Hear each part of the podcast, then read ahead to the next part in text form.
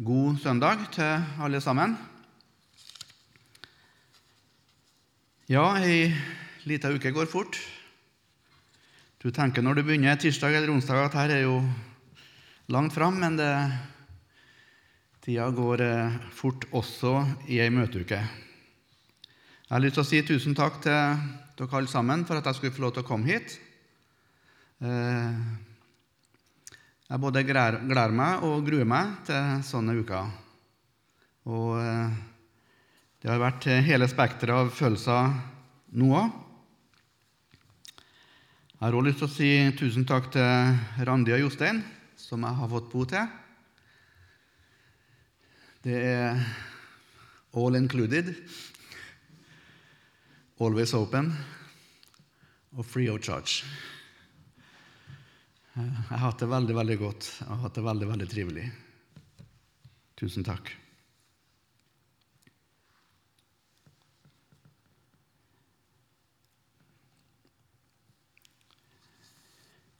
Det er så vanskelig for meg å tenke Jesu tanker. Jeg tenker så helt annerledes. Vi har hørt om å sitte ved kongens bord i dag. Vi leser voldsomme ting i Bibelen om en kristen stilling. Kongebarn høye. Det er sånne uttrykk som vi ikke greier å fatte, tror jeg. Jeg blir så fort opptatt av eh, det som jeg ser for mine øyne, da. Og så greier jeg ikke å se meg sjøl liksom i lyset av Guds ord. Og det smitter over på tjenesten min òg. Jeg ser så mange ganger smått på tjenesten min og det å reise rundt med Guds ord. Det står jo i sangen 'Mer kunne ei engler begjære enn gå med så salig et bud'. Jeg vet det er sant. Jeg vil gjerne tro det, men jeg merker at jeg i liten grad greier å leve i det da.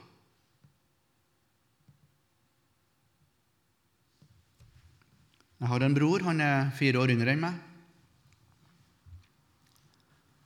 Han har vært selger all sin dag. Han gikk to år på Drottningborg, handelsskolen. Fra han var 18-19 år, så har han vært i salgsbransjen. Han har eh, området som strekker seg til, fra Møre til Finnmark. Han har like mange bort, døgn og netter bort fra familien han som jeg har. Vel 200.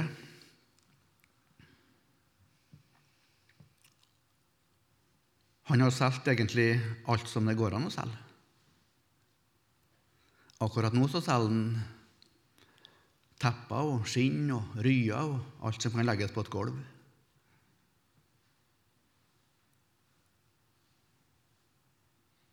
Jeg har misunt Jostein noen gang. Han har liksom en skikkelig jobb, han. Han reiser med tepper.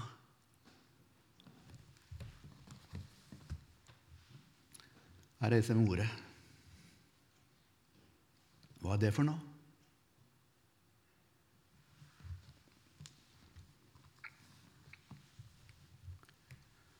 Det er nesten blasfemisk enn at jeg kan tenke sånn.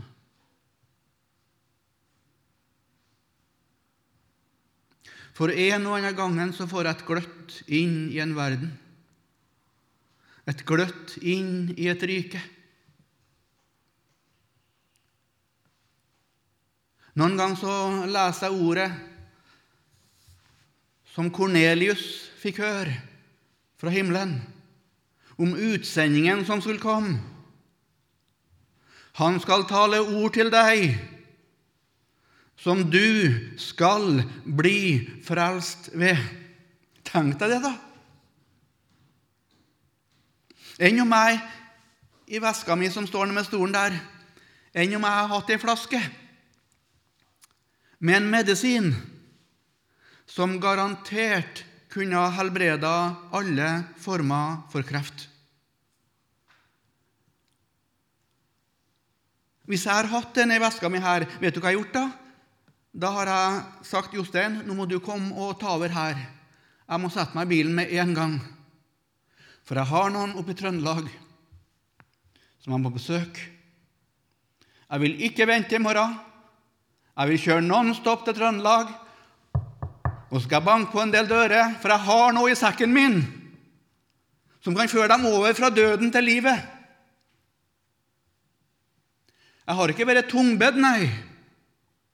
Jeg har lista i tanken min. Jeg skulle ha besøkt dem personlig, alle sammen. For jeg hadde noe som kunne hjelpe dem. Jeg har ikke ei sånn flaske, så jeg skal ikke be Jostein om å komme og ta over møtet her nå. Men jeg har ei bok. Han skal tale ord til deg som du skal bli frelst ved. Den medisinen kunne forlenga et liv, men døden ville ha kommet likevel før eller senere. Det jeg har, det kan føre over fra døden til evig liv. Et liv som ikke tar slutt. Og jeg sier det igjen mer kunne engler begjære enn gå med så salig et bud.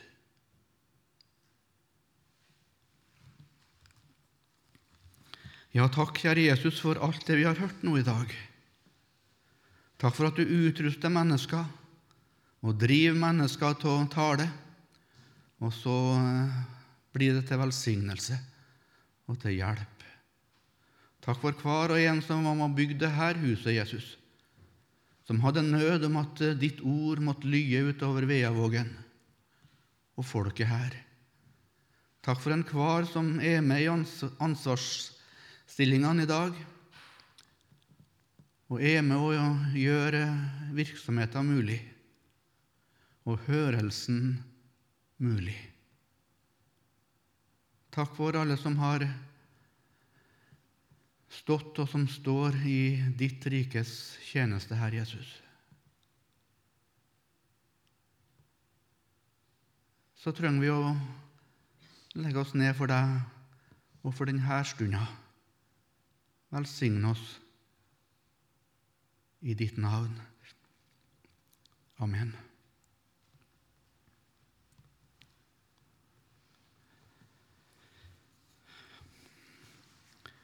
Egil nevnte overskrifta over uka i hans fotspor.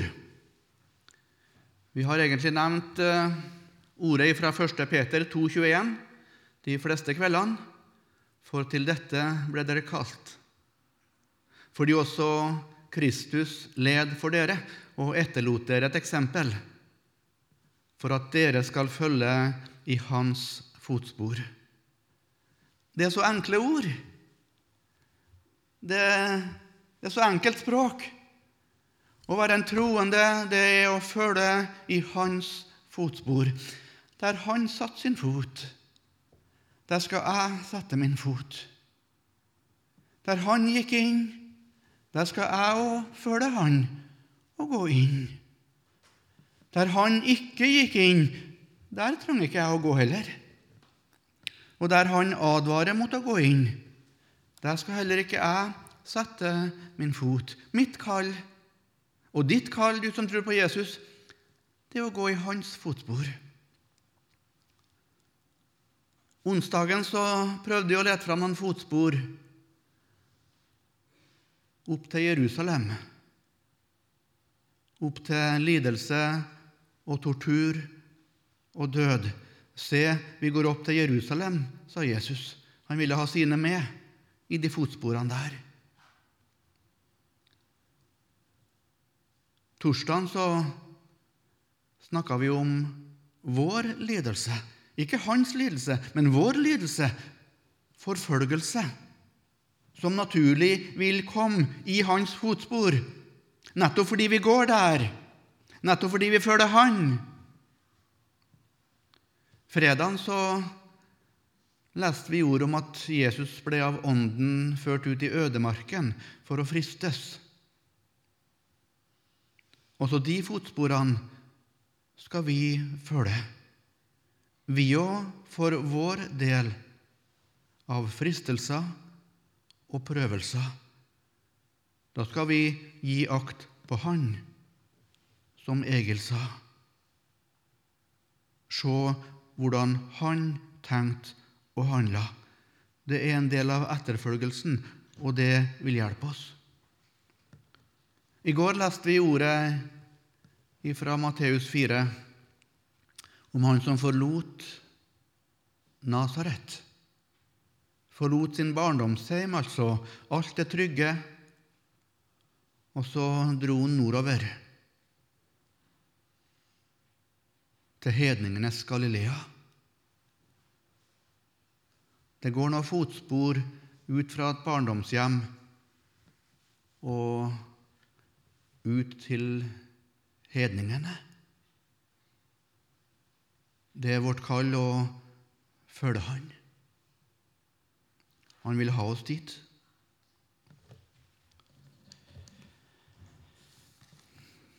I dag skal vi begynne fra Johannes 16, vers 28.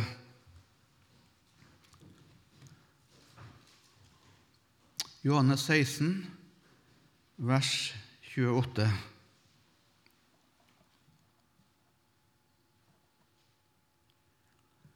Jeg er utgått fra Faderen og er eh, kommet til verden. Jeg forlater verden igjen og går til Faderen.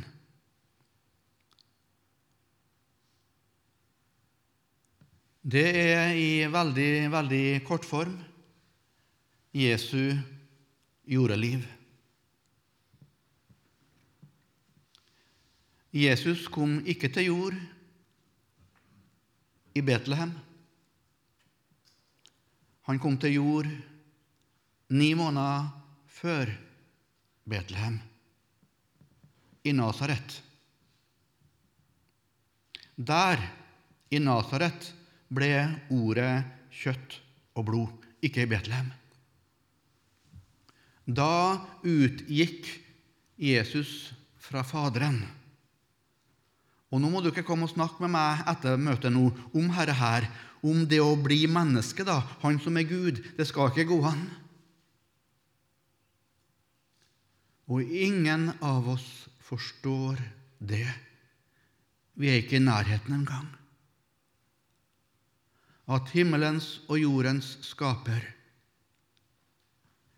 er i Marias liv.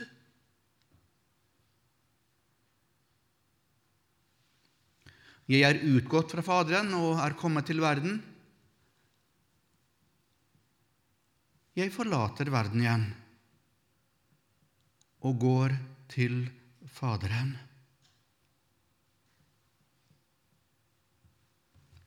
Rett forstått så er også Herre ditt liv, du som er født på ny ved Guds ord og ved Guds ånd. Du har ditt liv fra Faderen. Du er født av Han, født på nytt igjen, født ovenfra, som det verset egentlig betyr. Det er Han som begynte den gode gjerning i deg. Du er utgått fra Faderen, nå lever du her på jorda. Her skal du ikke bli for evig. Du skal en dag forlate denne verden og så skal du også gå hjem til far. Så det er egentlig emnet for, dagen i dag, da, å møte i dag, i Jesu fotspor. Hjem til far. Og vi skal gå dit fordi han gikk dit.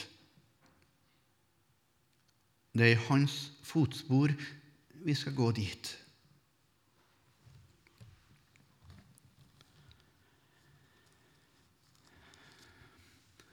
Hvordan dro Jesus hjem til far?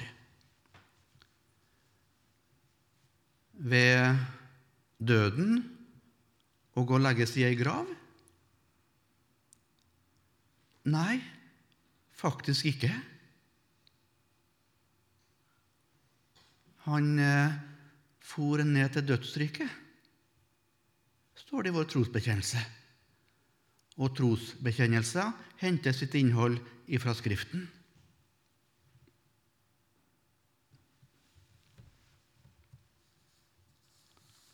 Hvordan dro Jesus hjem til far? Det leser vi om i apostelgjerningene kapittel 1 og vers 9. Vers 8 leste vi i går. Dere skal være mine vitner i Jerusalem og hele Judea og Samaria og like til verdens ende. Og så kommer det niende verset i apostelgjerningene igjen. Da han hadde sagt dette, ble han løftet opp mens de så på, og en sky tok han bort fra deres øyne.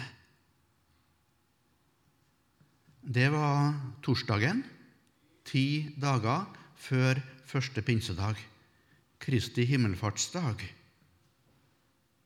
Her brukes ordet 'han ble løfta opp' mens de så på. Fotsporene gikk til Oljeberget. Har du vært der, kanskje? Østafor sjølve Jerusalem by, gamlebyen. Kedrondalen imellom, og så løfter Oljeberget seg. Og Står du der, så har du en praktfull utsikt over byen og tempelplassen. Der lå på Jesu tid de to landsbyene Betania og Betfage. Nå er jo storbyen liksom sluka alle områdene, så det er jo sammenhengende by nå, alt sammen. Men Oljeberget ligger der. Der er vi nå. Da han hadde sagt dette, ble han løftet opp mens de så på, og en sky tok han bort fra deres øyne.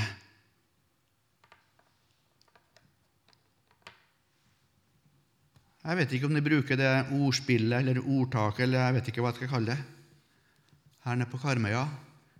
Men hjemme så har vi et uttrykk så sikkert som at vi alle sammen skal dø en dag. Vi skal ikke dø alle sammen, sjø. Nei. Det er en stor, stor misforståelse. Mange skal løftes opp. Første Korinterbrev 15, vers 51 og 52. Første Korinterbrev 15, 51 og 52. Se, jeg sier dere en hemmelighet. Kolon. Vi skal ikke alle sovne inn. Jesus gikk ikke til far via døden og grava. Han ble i fullt live løfta opp fra Oljeberget. Sånn gikk han hjem til far. I den gamle pakt så er det nevnt to mennesker som ble tatt direkte opp til himmelen uten å gå veien om død og grav. Du husker dem? Den første var Enok. Det står så fint om Enok. Han vandret med Gud og Gud tok ham til seg. Altså mens han vandret med Gud. Og I Nytestamentet så sies det litt mer. Det sies 'han ble ikke funnet'. Gjett om de leta, da. Hvor i all verden har det blitt av Enok? Han sto i en familiesituasjon. Han hadde jo naboer og relasjoner og og levde et liv midt iblant sine. og kom ikke hjem til kvelds. Og Herren tok ham til seg. Elias var den andre. Han hadde en litt mer sånn spektakulær himmelfart i ei vogn som så ut som den gløda og brann. Når eh, beretninga skulle skrives ned, så Ja, et eller annet om ei ildvogn. Hvordan skal du beskrive det? Den andre verden og den Vi har jo også litt erfaring med det. Hvilket ord skal vi bruke? Det var den måten Elias ble løfta opp på.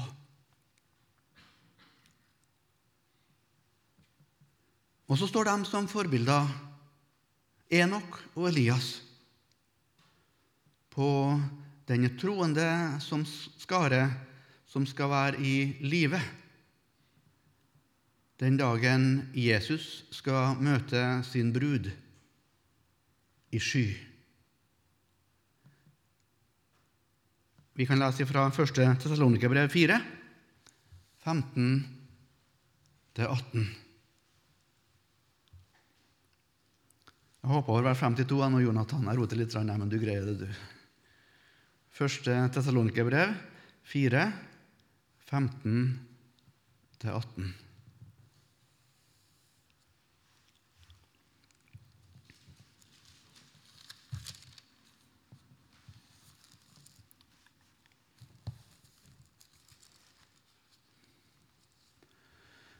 For dette sier vi dere med et ord av Herren. Vi som lever og blir tilbake inntil Herren kommer. Her var det verset som jeg nevnte i går. Paulus trodde han skulle være i live helt til Jesus kom igjen. For evangelieutbredelsen var så effektiv og så hurtig i de første tiårene skal aldeles ikke komme i forveien for dem som er sovnet inn, de troende som er døde, altså, hvis legema ligger i grava i dag. Vi skal ikke komme i forveien. Og så vers 16. For Herren selv skal komme ned fra himmelen med et bydende rop, med overengels røst og med Guds basun, og de døde i Kristus skal først oppstå. De som døde i trua, altså, skal først oppstå. Og så vers 17. Deretter, umiddelbart deretter, nesten i samme øyeblikk, men nå er først, og nå er litt etterpå. Deretter skal vi som lever, som har blitt tilbake, sammen med dem, sammen med dem som var døde, altså, og nå har stått opp igjen fra sine graver, rykkes opp i skyer i luften for å møte Herren, og så skal vi for alltid være sammen med Herren. Her bruker ordet 'rykkes opp i skyer'. I apostelgjerningene 1,9, når Jesus ble tatt opp, der var ordet 'løftes', 'løftet opp'. Men det er samme sak. Samme sak. Hva er det for noe? Det er å gå i Jesu fotspor. Han gikk først. Han er førstegrøden. Her kommer hovedhøsten inn i Guds hus og inn i Herrens nærhet. Og så vers 18.: Trøst av hverandre med disse ord. Hovedbudskapet her det er ikke å skremme noen, men det er trøst for den som venter, for den som sukker, for den som har tårer på kinn, for den som lengter etter himmelen, lengter etter farshuset, lengter etter brudgommen. Trøst da hverandre med disse ord.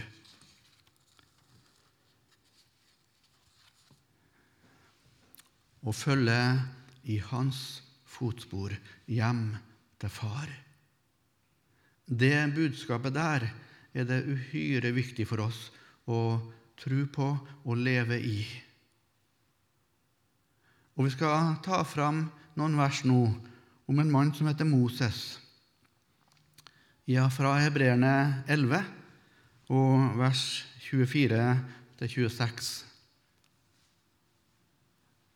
Det var noe i Moses sitt liv som eh, kaller på meg. Det var så levende for Moses det faktum at han hadde ikke her noe blivende sted, egentlig. Det er så tydelig i Moses sitt liv, i hvert fall etter hvert som tida gikk, at han hadde ikke sitt hjemland og sitt borgerskap på denne jorda. Du husker det dramatiske livet til Moses. Han var født under den første store jødeforfølgelsen, det første store holocaust. Vi har ikke sett det siste av dem enda. Det mest grusomme ligger enda fram i tid. Du kan lese om det f.eks. i profeten Zakaria. Han ble altså født under det første. Det var forbundet med dødsstraff å bli født som jødisk gutt. Farao var redd. Det yngla jo i Gosen. De var flere millioner blitt nå. Han var ikke redd jødene i og for seg, men han tenkte kommer det nå en fiende her, så kan det hende at jødene slutter seg til dem. Og så blir de to gruppene til sammen for sterke for min hær. Jeg må desimere det jødiske folk. Og så klekte han ut den grusomme planen. Det lukter Auschwitz, og Hitler hadde selvfølgelig.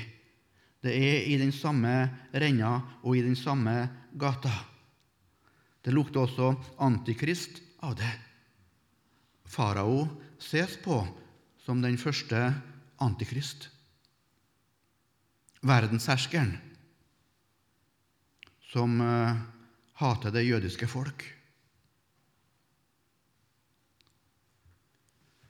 Alle jødiske guttebarn. Jentene eh, skal få leve, dem skal vi ta oss av. De kan være medhustruer til våre, våre gutter og våre ungdommer. Det er ikke noe problem med jentene, men guttene, potensielle soldater, dem, dem eh, skal vi kvitte oss med.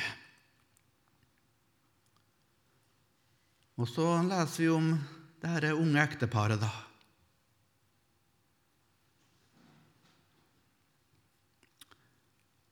De hadde barn fra før. Men nå kom kona en dag og sa til sin mann at 'jeg venter barn igjen'.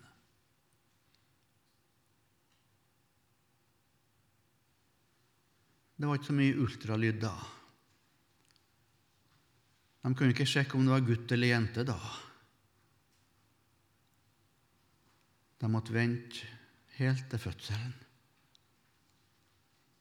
Og så hørtes det barneskrik fra det innerste rommet en dag. Og jordmora kom ut med en fin, fin gutt. Jordmødrene var undervist i det og pålagt det, og passe på at guttebarn ble drept. Men det står noe så uendelig fint at det var mange mange jordmødre som frykta Gud mer enn farao. Det fikk eh, gå som det vil, men eh, vi vil ikke være med på dette her. Vi gir barnet til foreldrene. Ferdig snakka. Og så sto foreldrene da med gutten. Landets lov, verdensrikets lov, sa at den skulle kastes i elva. Men de greide ikke det. Ville ikke det. Gutten var så vakker. Det var deres gutt.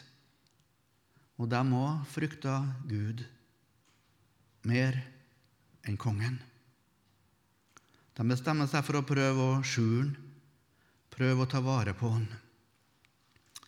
Det er ikke så lett. Det er ikke så lett. Og de kommer fram til at vi kan ikke ha den i huset lenger. Og Så lager de en kiste. Da vet du, du har lest om det. Far tester henne. Hun bygger med av det store sivet der, papyrus, som vokser ned med bredden av Nilen og også bredden på mange elver i Øst-Afrika. Tre, fire, fem meter høyt siv. Så fletta han ei kiste. Smurte den med bek, asfalt, utvendig og innvendig. Testa om han holdt vann. Og så for han sikkert med noen kluter og noen filler og noen matter. og noe. Der la de skatten sin. Og så gjemte kista da inn i sivet. Og så var det Miriam, kloke, kloke Miriam, søstera til Moses, som står som vakt. Så snart hun hører lyder ut fra kista, så vasser hun ut, åpner lokket og løfter opp barnet under den vide kjortelen sin, og som en vind opp til mor for mat og stell, og så tilbake i skjulestedet. Og så er det noen som har spekulert. Jeg vet ikke om det er lov, men jeg tror det er lov. Spekulert om la dem kista der med vilje fordi det var faraos datter sin kjente badeplass? Var det Moses sine foreldre sin plan at det skulle gå sånn? Vi vet ikke. Men i alle fall kista blir oppdaga. Prinsessa kommer for å bade med sine piker og, og, og damer og hele sitt følge. Kanskje begynte han å gråte akkurat da. Vi vet så lite. Men kista ble funnet, og Moses ble tatt opp. Og nå er det altså faraos datter som står med denne vakre, vakre gutten. Og umiddelbart så forstår hun alt sammen. Det her er en av hebreernes gutter, sier hun. Hun fulgte jo med. Hun visste jo hva loven sa. Det var jo faren hennes som hadde vedtatt den og bestemt den. Hun forsto hele sammenhengen. Og så er det kloke Miriam som kommer inn fra høyre. Og Så får hun frimodighet til å gå helt fram til prinsessa, og så sier hun, 'Skal jeg hente jamme?' Fantastisk klokt. Kan du finne ut noe som var mer klokt å si akkurat i den situasjonen? Finner ikke på noe mer klokt. Ja, sier faraos datter, hun hadde ikke noe melk. Hente amme. Og så kommer Moses sin mor og får ta gutten sin. Setter seg der kanskje i skyggen av en palme. Og så får hun legge det kjæreste hun eier, inntil brystet, i full offentlighet. Og nå har faraos datter fått tida til å summe seg litt og tenkt litt. Og så legger hun sin plan hun bestemmer seg for at hun skal adoptere gutten. Da er han fortsatt etnisk jøde, selvfølgelig, men juridisk så er han egypter. Sønn av faraos datter. Men hun er realist midt i sine framtidsdrømmer. Hun gjør en avtale med Moses sin mor. Nå må du passe på han. Du må ta vare på han helt til han er avvent. Tror du Moses' mor var tungbedt? Hun fikk til og med penger for å ta vare på sin egen gutt. Noen har kalt det for verdens første barnetrygd. Helt til gutten var avvent. Du som er mor, hvor eh, mange måneder lå han ved ditt bryst? Ja, vi har fire. Det var jeg tror 10-12-14, kanskje 16. Dattera mi har en gutt på 23 måneder. Hun ammer ennå. I Afrika, hvis det ikke kom barn nedenfra, yngre barn, så kunne de amme lenge. Nesten så småguttene tok en pause i fotballparkinga og sprang hjem for å få seg en slurk. Hvor eh, lenge amma Mose mor? Vi vet ikke. Men jeg tror jeg tror hun dro ut den perioden så langt hun kunne. Kolbjørn Bø regionlederen i NLM Sør-Vest. Han hadde ordet på åpninga i går. Han brukte akkurat det eksempelet her Moses sin mor og Moses sin far. De visste nå vi har barnet bare til låns. Vi har det ett år, kanskje, to år, kanskje, tre år, kanskje, kanskje toppen fire år. Toppen fire år. Da må vi sende den bort. Da må vi sende den ut av, vårt barndomshjem, av hans barndomshjem og helt inn i en fremmed kultur, der avgudene står på rekke og rad. Nå må vi bruke tida godt. Det er lånt tid. Du får den aldri igjen. Nå har du dagen, og bruk den vel, for før du tror, kan det være kveld. Du får ikke de årene tilbake.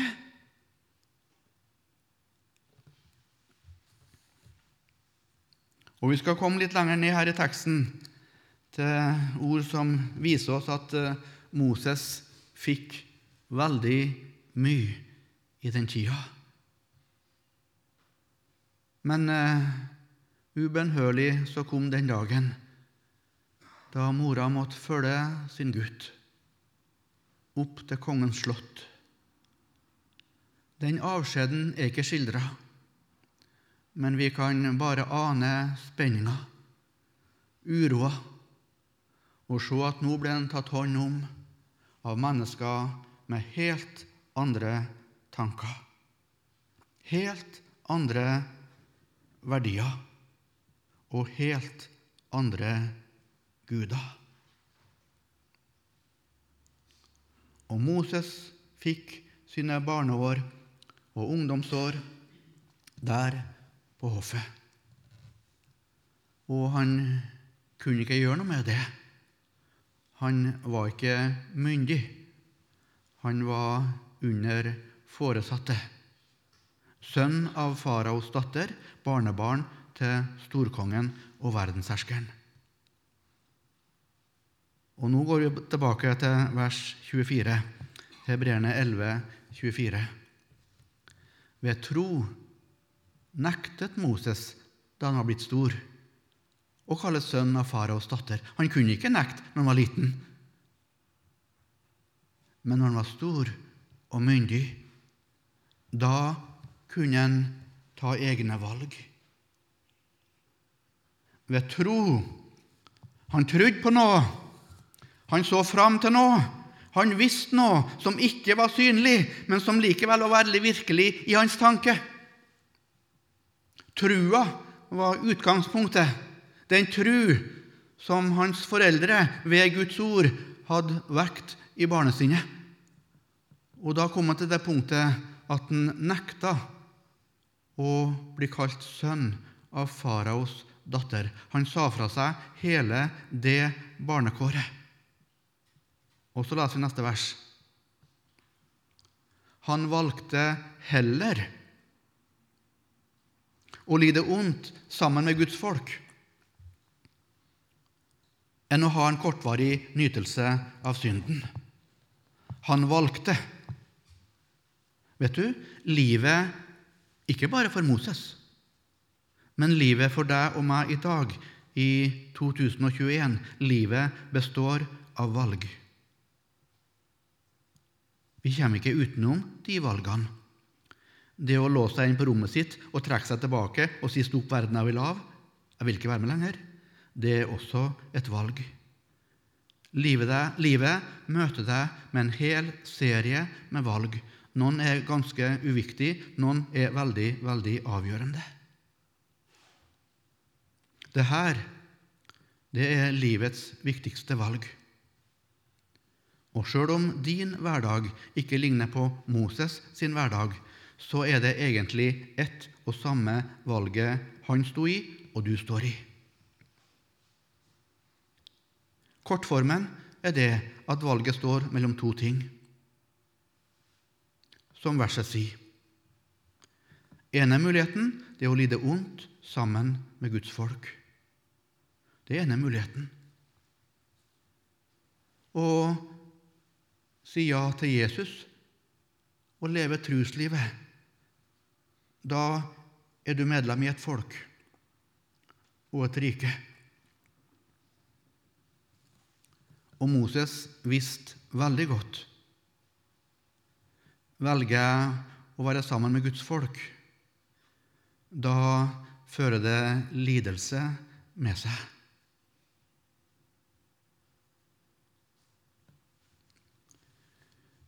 De var jo slaver. Det var tøff hverdag. Vi er ikke slaver på den måten. Men eh, vi snakka om det torsdagen. Ingen kan en kristen være uten lidelse på jord.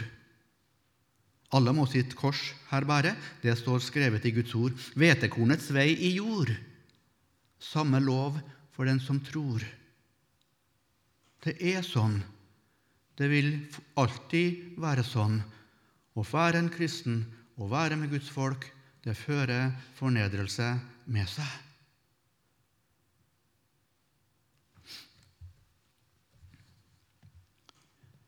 Vi snakka om kongen og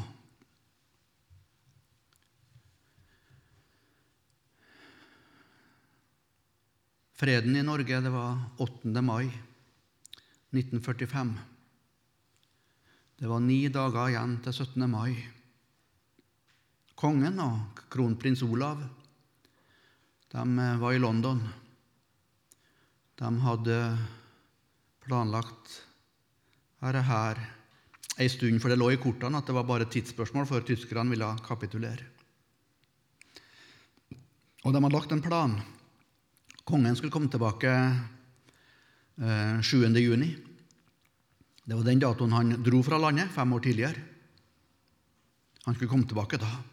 Det var en symboltung dato. Men kronprins Olav han skulle reise tilbake og være i landet 17. mai. Var det 13. mai han kom da? Jeg tror det var der omkring, i alle fall.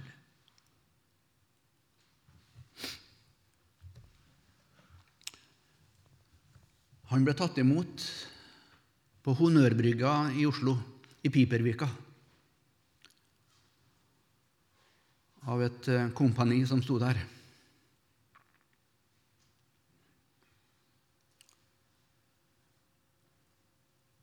De fleste var medlemmer i den greina av motstandsbevegelsen som heter Kompani Linge.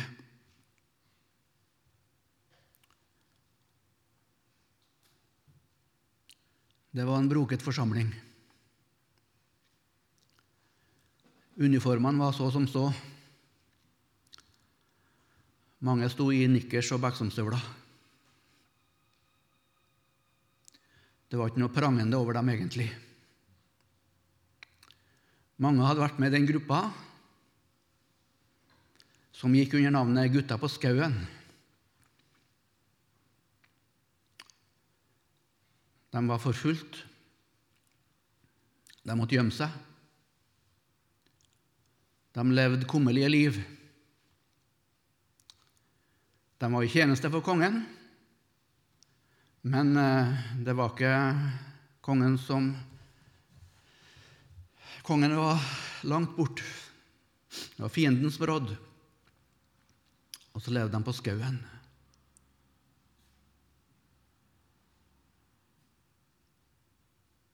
Og så kom kongen. Og Så gikk de opp i gi vakt, som du snakka om, Egil. Og gjett om de da ga akt på kongen. Nei, nå sa jeg feil. Kronprinsen. Sorry. En representant for kongehuset. Og så går kronprins Olav der. Så går han og hilser på hver og en. Og så sier han noen ord til dem, og så sier han bl.a. setningen her. Det lukter skau av dere gutter.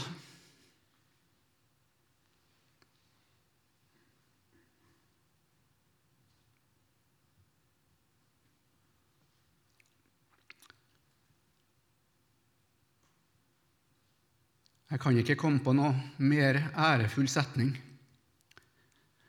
å få høre fra kronprinsen.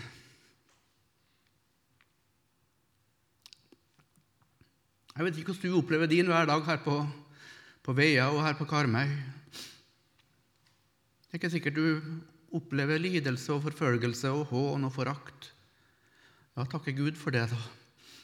Men eh, hvis du gjør det, hvis du opplever liksom motstand og anstøt, og naboen din forstår ikke deg, og det du tenker, og, og de valgene du tar, og prioriteringene du tar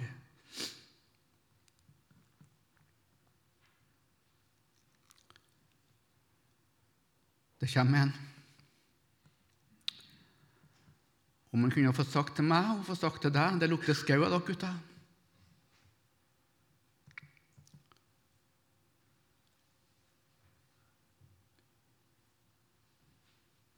Det står om den store, hvite flokk. Det blir én dag, men det er ikke nå. Nå må vi tro på det, vi ser det ikke. Det står om den store, hvite flokken. Her gikk de under stor forakt. Men se dem nå i deres prakt. Vi skal ikke være her så lenge. Vi skal hjem. Vi skal gå i hans fotspor, han som er den førstefødte av mange brødre.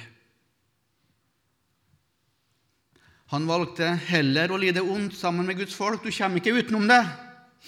Du kommer ikke utenom det, og ved deg og ved meg, hvis alle taler vel om oss. Da er det noe grunnleggende galt i vårt liv og i vårt vitnesbyrd. Men han valgte heller å lide vondt sammen med Guds folk, heller det, enn å ha en kortvarig nytelse av synden. Det var den andre muligheten Moses har, og den andre muligheten du har.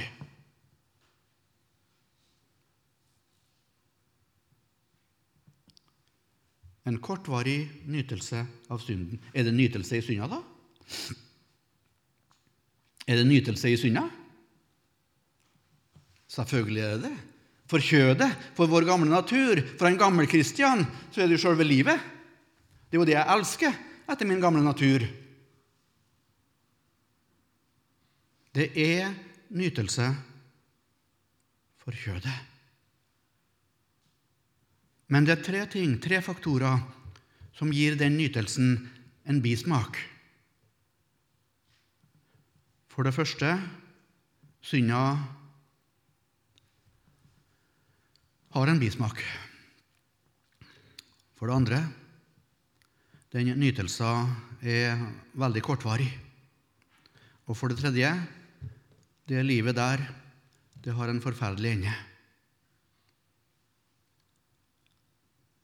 Men eh, valget står der for meg og for deg.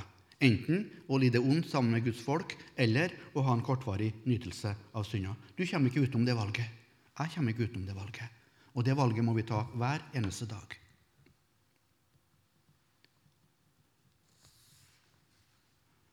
Han Arne Aano var oppe i Trøndelag, og så sang han Jeg har valgt å gjøre selskap med Guds enkle vandringsmenn. Det får koste hva det vil, men jeg må hjem til himmelen. Det er liksom Moses kunne ha skrevet den sangen, syns jeg. Jeg har valgt å gjøre selskap med Guds enkle vandringsmenn. Det får koste hva det vil, men jeg må hjem til himmelen. Og så siste verset, Jonathan, vers 26, om Moses. Han aktet Kristi vanære. Oi! Moses visste om Kristus. Går det an? 1500 år før Kristus ble født, så visste Moses om han. Hvem hadde fortalt Moses om Messias? Det er jo det ordet Kristus betyr, den salvede. Hvem hadde fortalt Moses om Messias? Var det faraos datter? Det kan jo være sikker på at det ikke var. Han hadde fra mor og far.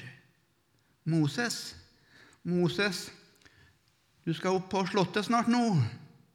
Men vet du, Moses, du skal ikke tro på de gudene du ser der. De tror på de gudene, men du skal ikke tro på de gudene. For din Gud, Moses, og vår Gud, vi som hører til det jødiske folk Vår Gud, det er Abrahams Gud og Isaks Gud og Jakobs Gud. Det er våre fedres Gud. Og det er sagt, Moses, Det er ikke sagt så klart, men det er sagt. Og vi tror på det, at det skal komme en som kalles den salvede. Og framtida vår og frelsa vår knytter vi til den personen som skal komme. Vi kaller han den salvede Messias. Kristos er det på gresk, som det står i vårt greske Nytestamentet. Det kommer en Moses. Og vet du, Moses, du vil ikke bli populær på Slottet hvis du snakker om han. Det følger vanære med han. Vi vet det. Folket tror oss ikke. Kongen forakter oss, vil utslette oss. Men eh, det er framtida vår, Moses. Skal du love meg nå at du vil tro på han? Og treåringen, fireåringen, sto der med store øyne, og så nikka han. Han forsto ikke alt. Men han merka at dette er viktig for mamma og pappa. Jeg vil tro på deg òg. Og så bar han det han fikk bli undervist i. Han bar det med seg gjennom alle barneår, gjennom tenårene, vanskelige ungdomsår, og bar det med seg inn i voksen alder. Og Det virker som om det bare vokser og vokser i Moses liv. Han jakta nemlig Kristi vanære, skammen og fornedrelser og skogslukta. Det å være utafor, det å ikke bli regna med i det gode selskap. Han jakta det faktisk som en voldsomt stor rikdom. Hvor stor rikdom? Jo, han akta Kristi vanære for en større rikdom enn skattene i Egypt. Ja, hvor mye var det? Det er det jo ingen som vet. De fleste gravene i Egypt de ble jo funnet av gravskjenderne og gravplyndrerne før arkeologene. Det er jo ikke mange graver og kongegraver i Egypt de har funnet urørt. De som plyndra og tok, de var først ut. Det er jo ikke så mange de har funnet. Så det som er tilgjengelig i dag, og det som er på National Museum i Kairo i dag, det er jo bare en liten brøkdel av det Moses så. Har du vært på National Museum i Kairo? Det er jo sal på sal på sal, med gull og sølv og edle steiner så langt øynene rekker. En liten brøkdel av det som var. Og der sto Moses. Er det valget igjen. Kristi vanære i den skåla på skålvekta. Og så skattene i Egypt. Hva er tyngst? Hva er mest verdifullt? Hva er det jeg vil ha? Forunderlige Moses og forunderlige Guds rike og forunderlige Hellige Ånd, som gjør sine under i de troendes hjerter. Så de velger rett og prioriterer rett, og ser det at det er ikke smått, det å reise med ordet. Det er ikke smått, det å satse på Kristi vanære. Det er ikke smått, det å lide ondt sammen med Guds folk. Nei, Moses akta Kristi vanære for en større rikdom enn skattene i Egypt. Og hva er hemmeligheten? For han så fram til lønnen. Her gikk de under stor forakt, men se dem nå i deres prakt. Han så fram mot et annet land, mot et annet rike, og i det lyset tok han sine valg.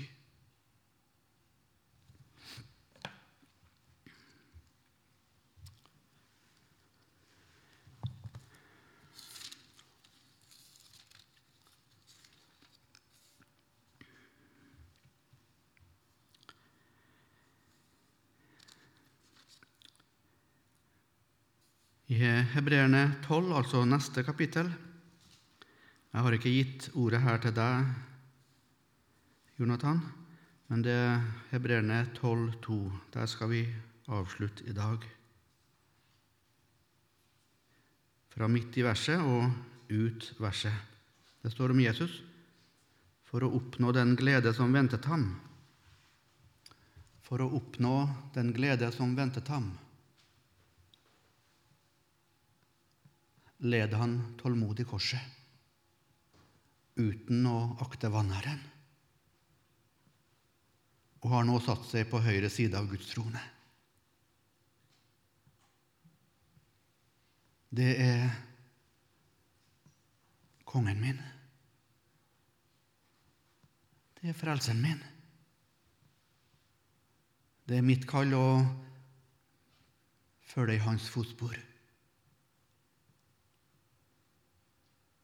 Prøve å tenke som han. Prioritere som han. Og så syns jeg det er veldig, veldig godt at Jesus i sin lidelse tenkte på den glede som ventet ham.